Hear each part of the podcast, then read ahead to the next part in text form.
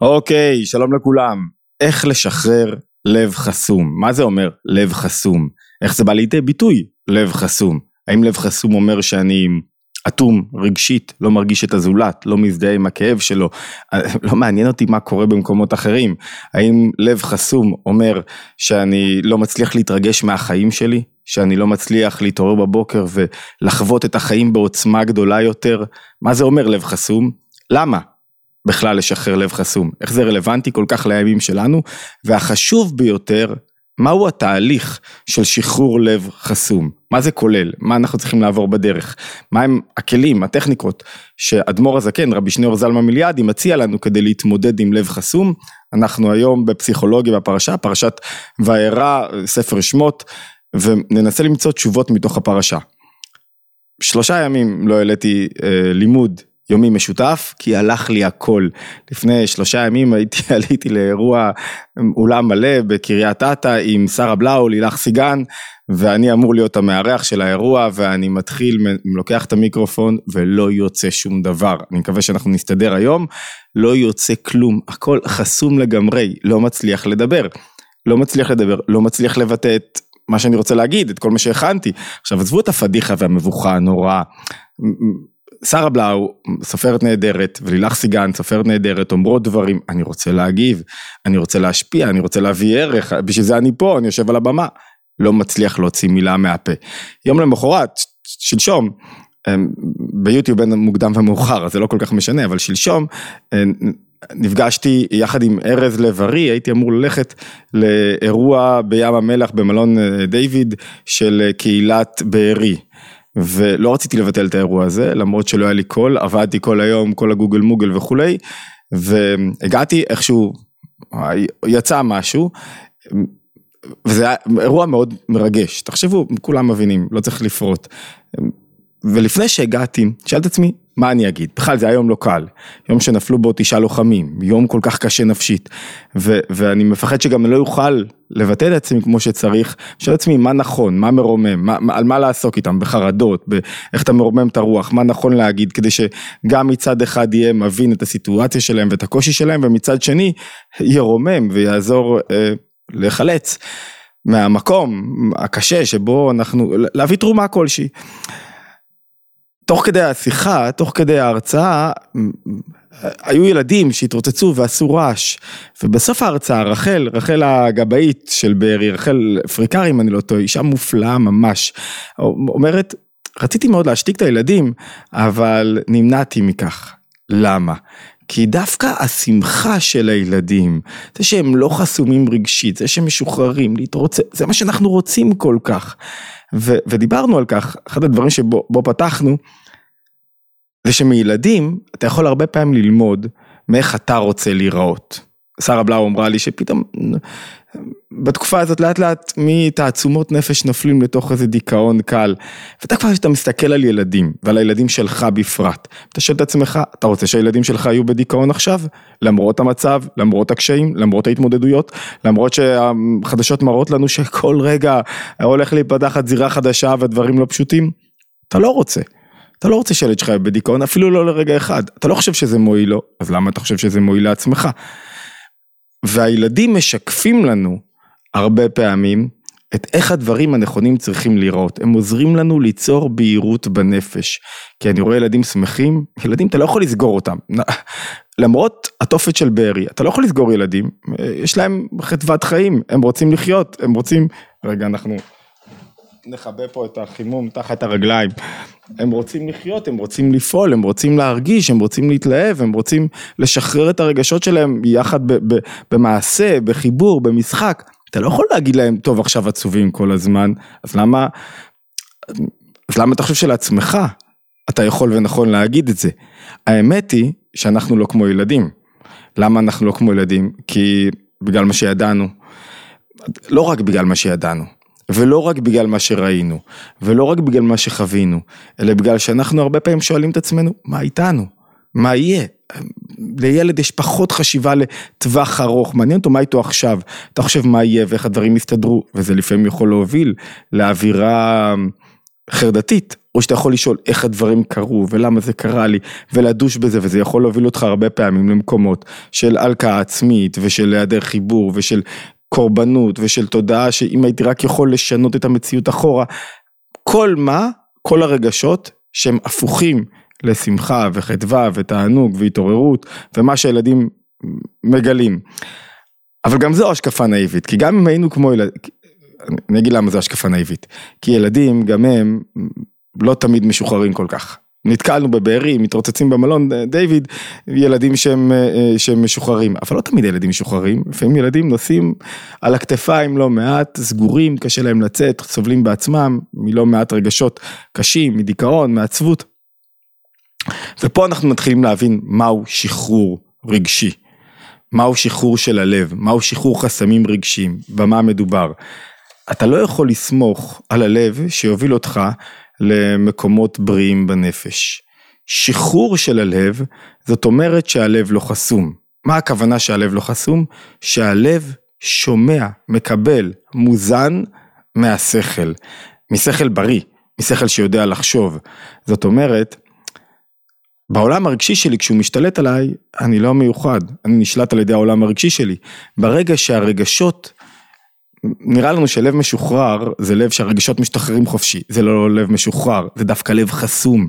למה זה לב חסום? כי הרגשות הלא טובים הרבה פעמים, או הרגשות האגוצנטריים חוסמים אותי. הם מונעים ממני, ממה? מלחוות חיים אמיתיים, מלהתרגש באמת, מלכוון את עצמי, מלהתמקד, מלהמשיך לחיות.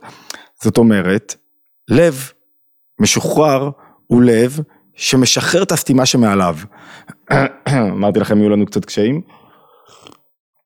מה יהיה החסם, מה הסתימה שמעל הלב? שהוא לא מקבל מהשכל.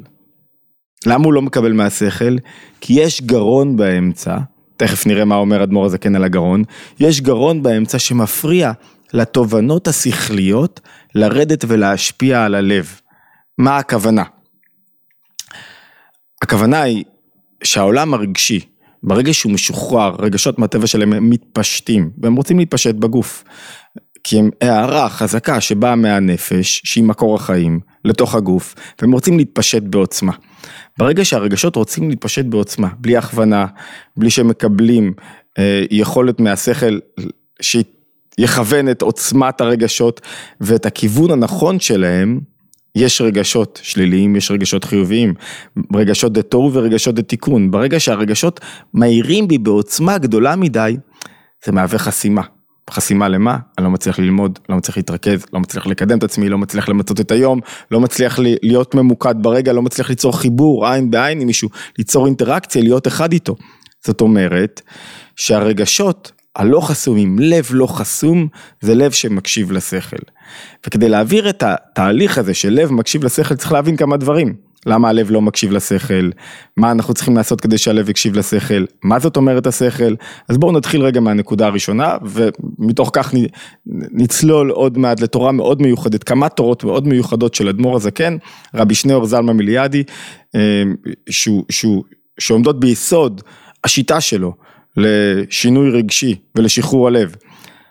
קודם כל, מה זה שכל נכון? שכל נכון זה האופן שבו אתה מסתכל על החיים. איך אתה רואה את הדברים, איך אתה, איך אתה בוחן את המציאות שלך. ויש כמה קריטריונים לשכל נכון. שכל נכון אמור לרומם אותך, אמור להוביל אותך מנקודה שנראית לך הכל, הרי מה השכל עושה? יוצר מערכת פרשנית על המציאות. המציאות נראית לך אפלה וחשוכה ומלאה כאוס, והשכל פתאום יוצר בהירות, הוא כמו פנס שאתה מאיר בחשיכה, ומלמד אותך להבין על עצמך ועל החיים ועל המציאות. כשהגעתי לבארי, מה שהרגיע אותי ממש כשנכנסתי, ראיתי מישהו עם חולצה, ועליה מודפס, חייבים להמשיך להדפיס. אתם יודעים, אני מקווה, בטוח, שלבארי יש, אני חושב, את אחד מבתי הדפוס הגדולים בארץ. להמשיך להדפיס, יש בזה מסר מאוד חזק, חייבים להמשיך לחיות. על ידי העשייה והעיסאו, על ידי העבודה הפנימית, מה קורה? אתה ממשיך, החיים ממשיכים. אתה לא יכול לעצור את החיים, יש בזה משהו מאוד חיובי, כמו שאתה לא יכול לעצור את המערכות הכלכליות, יש בזה משהו מאוד חיובי, משהו שמחיה את האדם. וההדפס שלו על החולצה אומר, מה הוא אומר? זה כמו, אני מציב פה דגל, פלאג, ואני אומר, פה קהילת בארי סבלה, קשה, ועברו דברים איומים, אבל היא רוצה להמשיך לחיות. היא רוצה להמשיך להתקדם, ואי אפשר להמשיך לחיות ולהתקדם בלי עשייה, ואי אפשר לעשות בעצבות ומרירות ושבר. ברור שיש כאב עצום ויש חטופים, איך אפשר לישון בלילה עם חטופים בכלל? אבל יחד עם זאת, חייבים להמשיך לפעול, וחייבים להמשיך לעשות, ויותר מאשר, יותר מאשר רק לעשות ולהמשיך להדפיס. ומי שלא יודע, שבוע לערך לאחר השביעי לעשירי, בית דפוס בארי שלח מכתב, צילמו את המכתב הזה, זה, זה התפרסם וגם דיברנו עליו כאן, מכתב לספקים שלו שחייבים לו כסף, ובו הוא אומר, כמו שיודעים אז נשרפו לנו כל הדרישות תשלום שלכם, ביקשו את הדרישות תשלום כדי שיוכלו לשלם, אנא שלחו לנו שוב את הדרישות תשלום, כדי שנוכל לשלם לכם את הכספים, כי עבדו לנו, נשרפו דרישות התשלום הקודמות. איזה עוצמה שאומרת, יש סדר. ויש אופן שבו ממשיכים ואנחנו לא קורבניים ואנחנו רוצים להמשיך לפעול ולבנות ולשלם לאנשים, בקלות יכלו להתחייב מתשלומים לספקים. ויותר מאשר רק להמשיך לחיות בסדר, זה לא מספיק, זה לא שכל תקין, זה שכל אומר לך, תשמע, אתה תאהב חיים, אתה חייב לעשות. העולים שהגיעו מהמחנות באירופה, אחרי מלחמת העולם השנייה, אחרי השואה, אי אפשר, להסתפק רק בתיאום מכניסטים ותמשיכו לבנות. פגשתי בתוך ה... אה, אה, בבארי את אה, פרח, פרח פילו, בת 75, לא יודע אם מי שלא ראה את הסרטונים שלה, שם מרתקת, שסיפרה ש... ישבה במשך 40, 40 שעות כמעט בתוך הממ"ד שלה, ובממ"ד שלה היא כל הזמן שומעת בלי הפסקה, 12 מחבלים מנסים לקדוח, לפוצץ, לפרוץ את הממ"ד, והיא שומעת כל הזמן ערבית, והיא מחזקת את הביטחון שלה. היא מספרת, אכלתי קצת פטי באר, שתיתי קצת מים, מספרת איך תודעתית היא עבדה על הביטחון שלה. וכשסיימתי את ההרצאה שלי, את השיחה איתם, אז התיישבתי והיא באה והיא רצתה לשתף אותי במשהו שהיא כתבה לה. כל יום היא כותבת לעצמה, מוציאה בת קול לעצמה, וכותבת לעצמה רעיונות. והיא כתבה לעצמה משהו, ביקשתי ממנה רשות לצלם את מה שהיא כתבה, והיא כתבה, נדמה, חלק ממה שהיא כתבה לעצמה, היא כתבה על שמחה. נדמה שבלתי אפשרי להיות בשמחה. אבל ברגע שהרעיון יושב במוח, ומתרגלים בכל פעם שמגיע העצב, מבקשים ממנו, מהעצב, לסור הצידה ולפנות מקום לשמחה. בסוף זה הופך לכלי שקל וטבעי להשתמש בו. אז אני מחזיר אתכם רגע לאיפה שאנחנו נמצאים. אנחנו נמצאים בזה שקודם כל השכל צריך להתבונן נכון, כדי שיוכל להשפיע על הרגשות. מה אומר אדמו"ר הזקן? אדמו"ר הזקן אומר בתורה מאוד מהממת, הוא מפרש את הפסוק בפרשת וירא, לכן אמור לבני ישראל, אני השם, והוצאתי אתכם מתחת סבלות מצרים. בקריאה ראשונה זה נראה הבטחה של הקדוש ברוך הוא שהוא עומד לקיים, להוציא את בני ישראל מהגלות. בקריאה מעמיקה יותר, סליחה, יש פה, אומר אדמו"ר הזקן, תיאור התהליך של שחרור הלב החסום. מה הכוונה? אומר, המצב הנכון של האדם, שבכל דור ודור, בכל עת ועת, בכל יום ויום, הוא חייב לצאת ממצרים. מה זאת אומרת? איך צריך לראות מצב נכון? מצב נכון צריך לראות שהאדם מתבונן במציאות, והוא שמח במציאות שלו. השכל שלו אומר לו, שיו, איזו הזדמנות אדירה. קודם כל, שיש בורא, אינסופי, שבחר בי, ורצה אותי, וברא אותי לגלות פה את הכוחות ואת הערך שלי בעולם.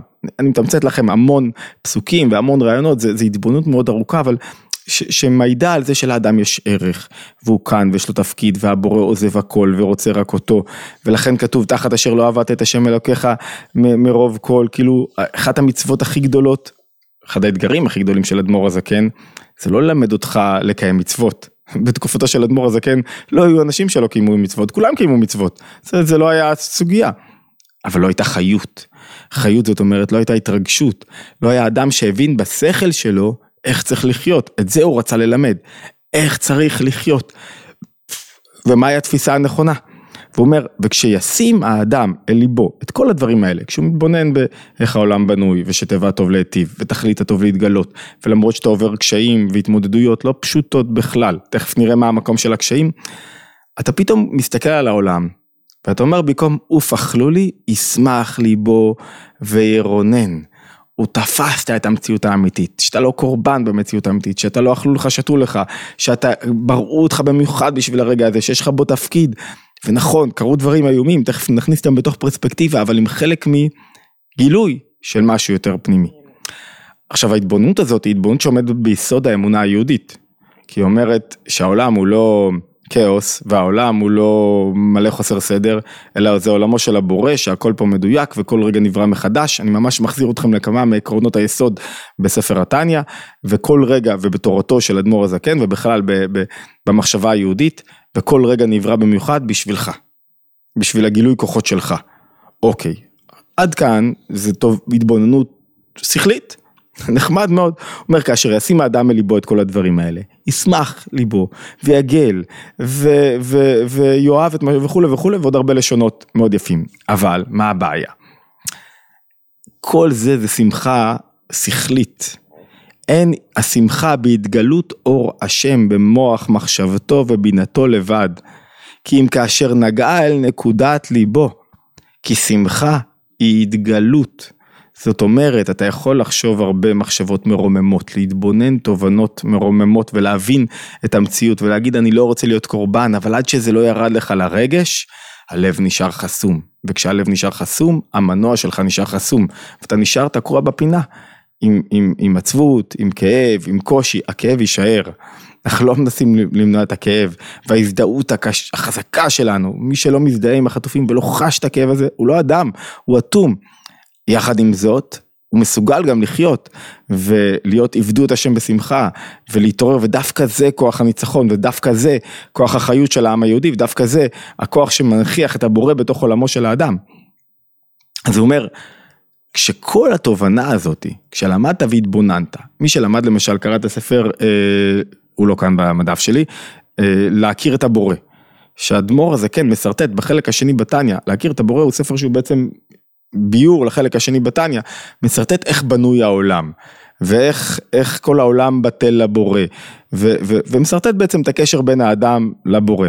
הוא אומר, כשאתה מבין את זה בשכל, איך אתה יכול להיות בסטרס? איך אתה יכול להיות בעצבות? זה כאילו זה עולמו של הבורא, שהכל בורא עבורך, איך אתה יכול לדאוג? איך אתה יכול לדאוג? עכשיו אנחנו מגיעים למשבר הגדול שלנו, למה הלב חסום? מה שאין כן כשהוא בהיעלם והסתר, מה שהבנת נסתר בתוך בינתו בלבד, אבל זה לא יורד לבחינת העיבור, זה לא נולד, כמו שכתוב, כתוב במשלי, הם הבנים, כתוב בתהילים, הם הבנים שמחה, זאת אומרת שההתבוננות צריכה להוליד בסוף רגשות, ואם היא לא הולידה רגשות, היה חסימה. לחסימה הזאת קוראים מצרים. התגברות על חסימה. שחרור הלב החסום נקרא יציאת מצרים. ומה שחוסם אותי זה שהלב עובד לבד, השכל עובד לבד, הם לא מחוברים, הייתי בשיעור טוב, אהבתי, שמעתי מנטור מדהים, למחרת אני על הרצפה ולא מצליח להרים את עצמי. איך זה יכול להיות? לא היה חיבור בין הלב לבין השכל. מה מפריע לחיבור בין הלב לבין השכל? הוא אומר, זה בחינת מיצר הגרון. עכשיו אנחנו מתחילים להתבונן פנימה בתורה המאוד מיוחדת הזאת. הוא אומר, מיצר הגרון, כל הגלויות וכל הצרות נקראים בשם עיבור. כי כאילו אתה חווה צרה ועוד לא גילית את המציאות האמיתית מאחורי מה שנראה עולם שהרשעים בו גוברים והכל קשה ודברים לא נראים כמו שצריך. וגאולה היא כמו לידה, שהתגלה פתאום משהו. כאילו כשפתאום מישהו משתנה לו משהו בזווית הראייה, פתאום תפס איזה נקודה, פתאום איזה התבוננות, וואו, איזה שמחה, איך הוא מוצף, כאילו, כאילו, מה את שייך עכשיו חרדה כשיש לי כזאת תובנה שהעסיקה אותי בראש? איך זה העיר בי בתוכי? אלא מה? כדי שזה יקרה צריך לעבור חבלי לידה. מה זה חבלי לידה? חבלי לידה זה שאני מסוגל להעביר את מה שהבנתי, את מה שהתבוננתי, בתוך מהראש ללב. אם לא העברת, אם, אם אתה לא מבין, אם ההתבוננות שלך היא התבוננות נמוכה, שטחית, אה, אגוצנטרית, בהמית, אין לך מה להעביר. אתה רק מזין, הרגשות מבקשים מהשכל לחשוב בצורה מעוותת כדי להזין תפיסה שכלית מעוותת, אוי כמה רע, כמה קשה, כאילו כל הזמן להגדיל את הרגשות השליליים. ואז דווקא יש קשר בין הרגשות לבין, לבין השכל, אבל קשר שהוא בא מלמטה למעלה, שהלמטה מבקש את הלמעלה, בוא תשרת אותי יותר, ת, תסביר לי למה אני, למה אני צריך להיות ככה בסבל, למה אני צריך שיהיה לי רע. ובקלות אפשר להגיע למקומות כמו בארי ולראות אנשים שמתעקשים להיות בתוך מצב קורבני, מתעקשים להיות במצב של הכל רע, רע, רע, ולא לראות טיפת אור. זה יעזור? אם זה יועיל למשהו, לכו עם זה. איך? זה הבעיה הגדולה. זה, קודם כל צריך להשתכנע בשכל. אחרי שהשתכנענו בשכל, בעצם השיחה הזאת, זה אחרי שהשתכנענו בשכל, שאפשר לראות את החיים אחרת, שאפשר לראות זאת דברים אחרים. כשמישהו לוקח לעצמו את החיים, הוא אומר, אני לא יכול לראות יותר את המציאות באופן אחר, אין, זה הכל סגור לי, הכל, כל עוד שמישהו רואה בעיני שכלו שאפשר לחשוב אחרת, שהייאוש הוא לא אמיתי, שזה, שזה עבודה בעיניים שאפשר, אפשר וצריך, זה חלק מהשליחות שלו כאן, ו, ואין טעם, אין ערך, אין תועלת, לא לחיים, לא למתים, לא לקרובים אלינו בתוך תנועה של ייאוש וקטנות ועצבות, כל עוד שמישהו רואה, רואה את זה, נצליח לעבור את תהליך הגאולה. מה זה תהליך הגאולה? תהליך הלידה. מה זה תהליך הלידה? שאתה מוציא משהו מהשכל, עובר דרך הגרון הצר ועכשיו משתחרר. בואו נבין איך עושים את התהליך הזה. אז אומר ככה, אומר אדמו"ר הזקן, יש מחיר להולדה. זה נקרא חבלי לידה. מה זה המחיר? כל הדמים שיוצאים, כש, כשנולד ולד, יצא עם כל מיני דברים. הוא אומר, יש מחיר, מה המחיר? קודם כל, אתה צריך לשחרר. לשחרר מה? כל מיני דברים הזויים שאתה מחזיק בהם. מחשבות סוטות, מחשבות רדיקליות לא נכונות, תאוות שמציפות אותך, תפיסות מעוותות על החיים. והנה בעת לידתה יוצאים ממנה, כך בלשונו של אדמו"ר הזקן, אני מזכיר לכולם, מקורות עולים לאתר, אה, ואם כבר הזכרתי, הצטרפו אלינו לערוץ התבוננות, בדרך כלל עולה כל יום, אם לא הולך להכל, עולה כל יום שיעור בדרך כלל, לימוד קצר, ארוך יותר, זה מאוד משתנה. והוא כותב ככה לשונו של אדמו"ר זקן, והנה בעת לידתה יוצאים ממנה כל המכאובות בדם לידתה שזב ממנה. כך הנה כתיב, אני רואה וארך מתבוססת בדמייך, שכל המונים והמעכבים נמסו, והיו לדם, דבר שאין בו ממש ואין בו תפיסת מקום כלל. זאת אומרת, קודם כל יש מחיר לתהליך הזה של הסרת חסם רגשי. מה המחיר של התהליך הזה? שאתה קצת פחות, מה הקורבן הגדול ביותר? קצת פחות בכל מקום. אני מצמצם את עצמי. אדם לא מעביר את עצמו תהליך, לא משתחרר מלב חסום, כי הוא כל כך עסוק בעצמו. אבל מה זה עסוק בעצמו? הוא רוצה להרגיש, הוא רוצה להיות בכל מקום, הוא רוצה לחוות. הרי אתה לא תחווה את המקום הזה, את המסיבה הזאת, אם אתה חושב שבמסיבה הבאה יהיה יותר טוב. אתה לא תחווה אותו. למה לא תחווה את המקום הזה? כי, כי אתה רוצה להיות בעוד מקום, אז אתה לא יכול להיות פה. אתה חייב לצמצם. לשלם מחיר. למה הצמצום נועד? כי הגרון, אתם רואים, הוא, הוא, הוא דק. הוא הדק ביותר, האיבר הדק ביותר בגוף האדם, למעט כמובן זרועות וכולי. כדי שיעבור מה שהבנתי, זה חייב להצטמצם, אני חייב לבחור שאני מונח כאן. תהליך הצמצום ותהליך ההקרבה הוא סופר חשוב, הוא חלק מתהליך הלידה, שאתה מונח רק כאן, הוא חלק מתהליך החיבור. ועניין איך הופכים שכל ללב, זו השאלה הגדולה של אדמו"ר הזקן, ועניין יציאת מצרים הוא יציאת המוחין ממיצר הגרון, שימו לב ללשון, תראו איזה יופי, בהתפשטות בגוף, כאילו מה שהבנתי, שהחיים זה לא עונש ולא הכל קשה ולא כולם נגדי, ואני רואה את ההזדמנויות כאן פתאום, ו, ו, ובמקום לחשוב על עצמי כאילו אני לא רואים אותי ולא אוהבים אותי ואני שקוף, לחשוב על עצמי, רגע, אני רואה אנשים אחרים, רגע, מה התפקיד שלי כאן? אז אני פתאום משחרר, משנה כיוון לגמרי, במקום לחפש תשומת לב וחיבוקים שישימו לי היד ושאוהבו אותי, אני שואל איפה אני שם יד, אני פתאום הופך להיות משפיע ולא מושפע. ולא מחכה ליניקה. ואז הוא אומר, ועניין יציאת מצרים, יציאת המוחין ממיצר הגרון, בהתפשטות בגוף, עכשיו הרגשות הטובים שנובעים מהשכל, רגשות לא חסומים, מתפשטים בגוף ומניעים אותי. וארץ טובה ורחבה, מקום רחב. מה שאין כן הגרון הוא בחינת מצרים, מקור צר. כי הגרון נקרא ארץ מצרים. עכשיו כל הגלויות נקראות, כל גלות מצרים נקראת ארץ מצרים, כי הוא מקום צר יותר, שלא מכיל את כל התובנות של השכל, כי הן יורדות למטה. אוקיי, מה עושים?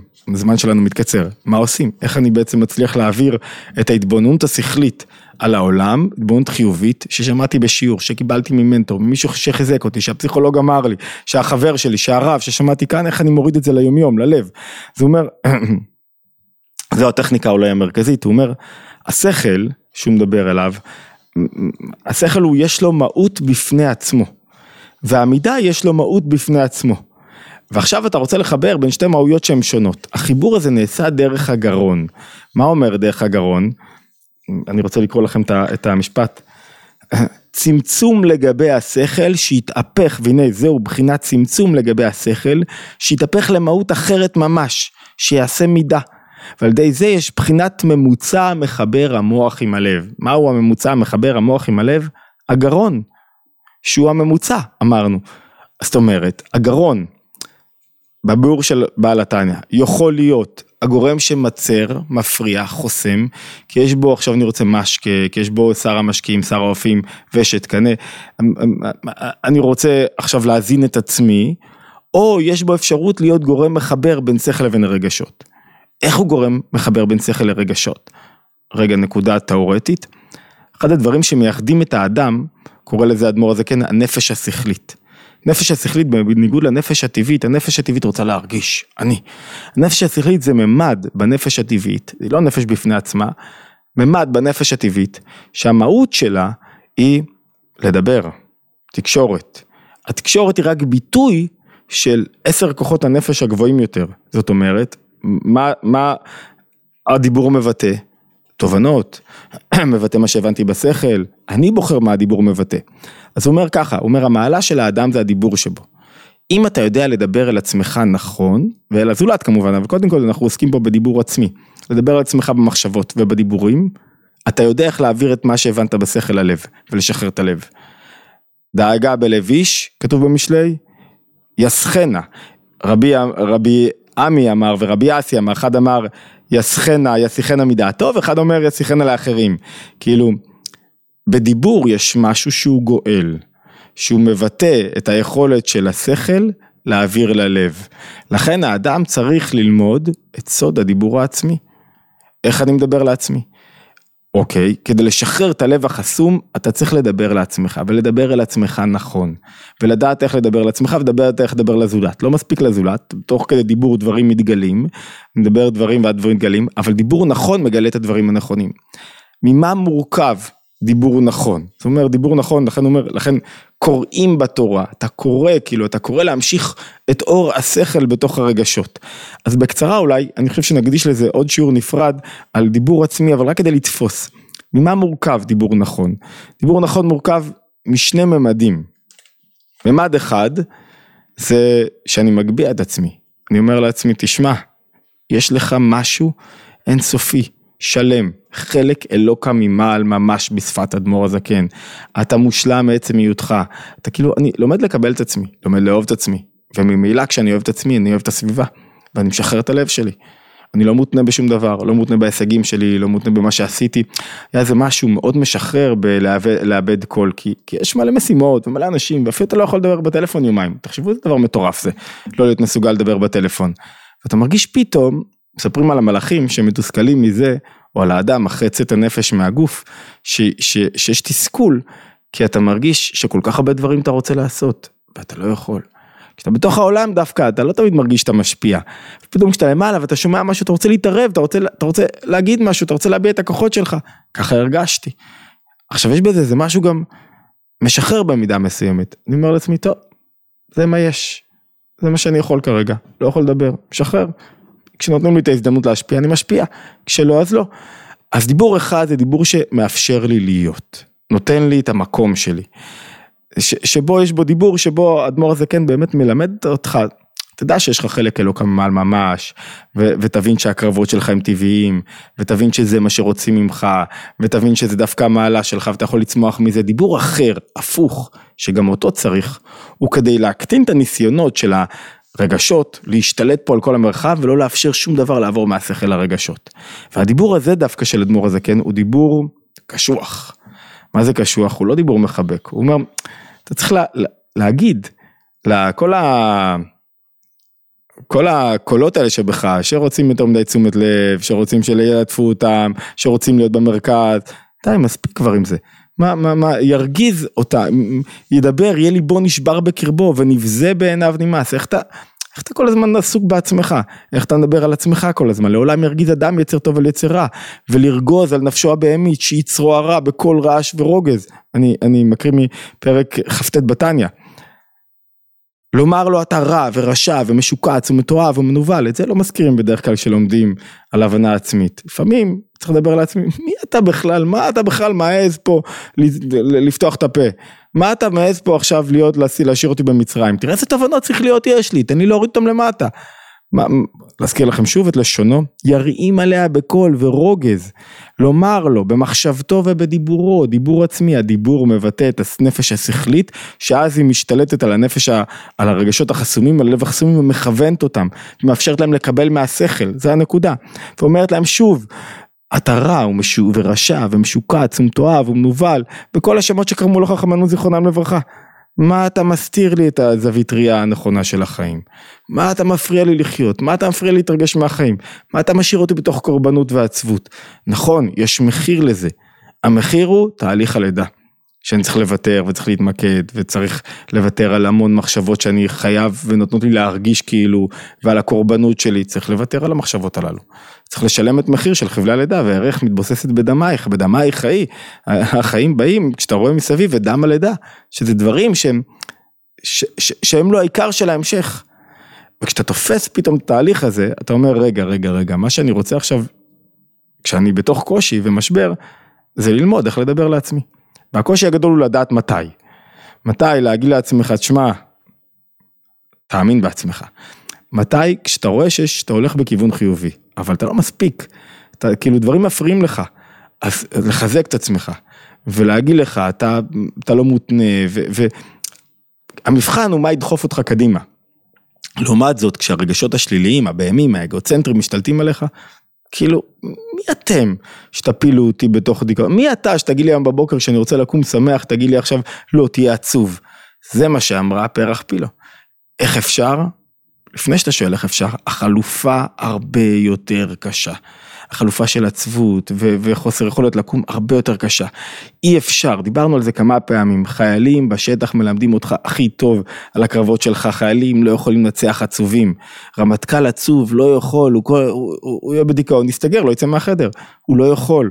הוא חייב להיות לא עם תנועה, עוד פעם, של שמחה פרובוקטיבית, ודאי שלא, אבל עם תנועה של התרוממות. ותנועה של אנחנו נעשה את זה ונצליח, כואב לי, שבר גדול, אבל נעשה ונצליח. וזה נכון בכל תחום, בכל הפסד, בכל עניין, בכל דבר, הרי מהעניינים הגדולים של החיים, אנחנו לומדים על חיי היום-יום, על ההתמודדויות. כשמישהו אומר לך עכשיו אני בדיכאון קל, זאת אומרת שגם לפני השביעי לעשיר הוא היה בדיכאון קל. גם לפני הוא לא רומם את עצמו, וזה מלחמה מתמדת. במה? בלב החסום. אוקיי, התבוננות יומית, הוצאנו מעצמנו היום מהכל, מקווה שלאט לאט ישתפר הכל ונחזור למקצב הרגיל. אמ, כרגיל מוזמנים להצטרף לערוץ התבוננות. להגיב בספוטיפיי, ביוטיוב ולהשתמע בהתבוננות היומית הבאה.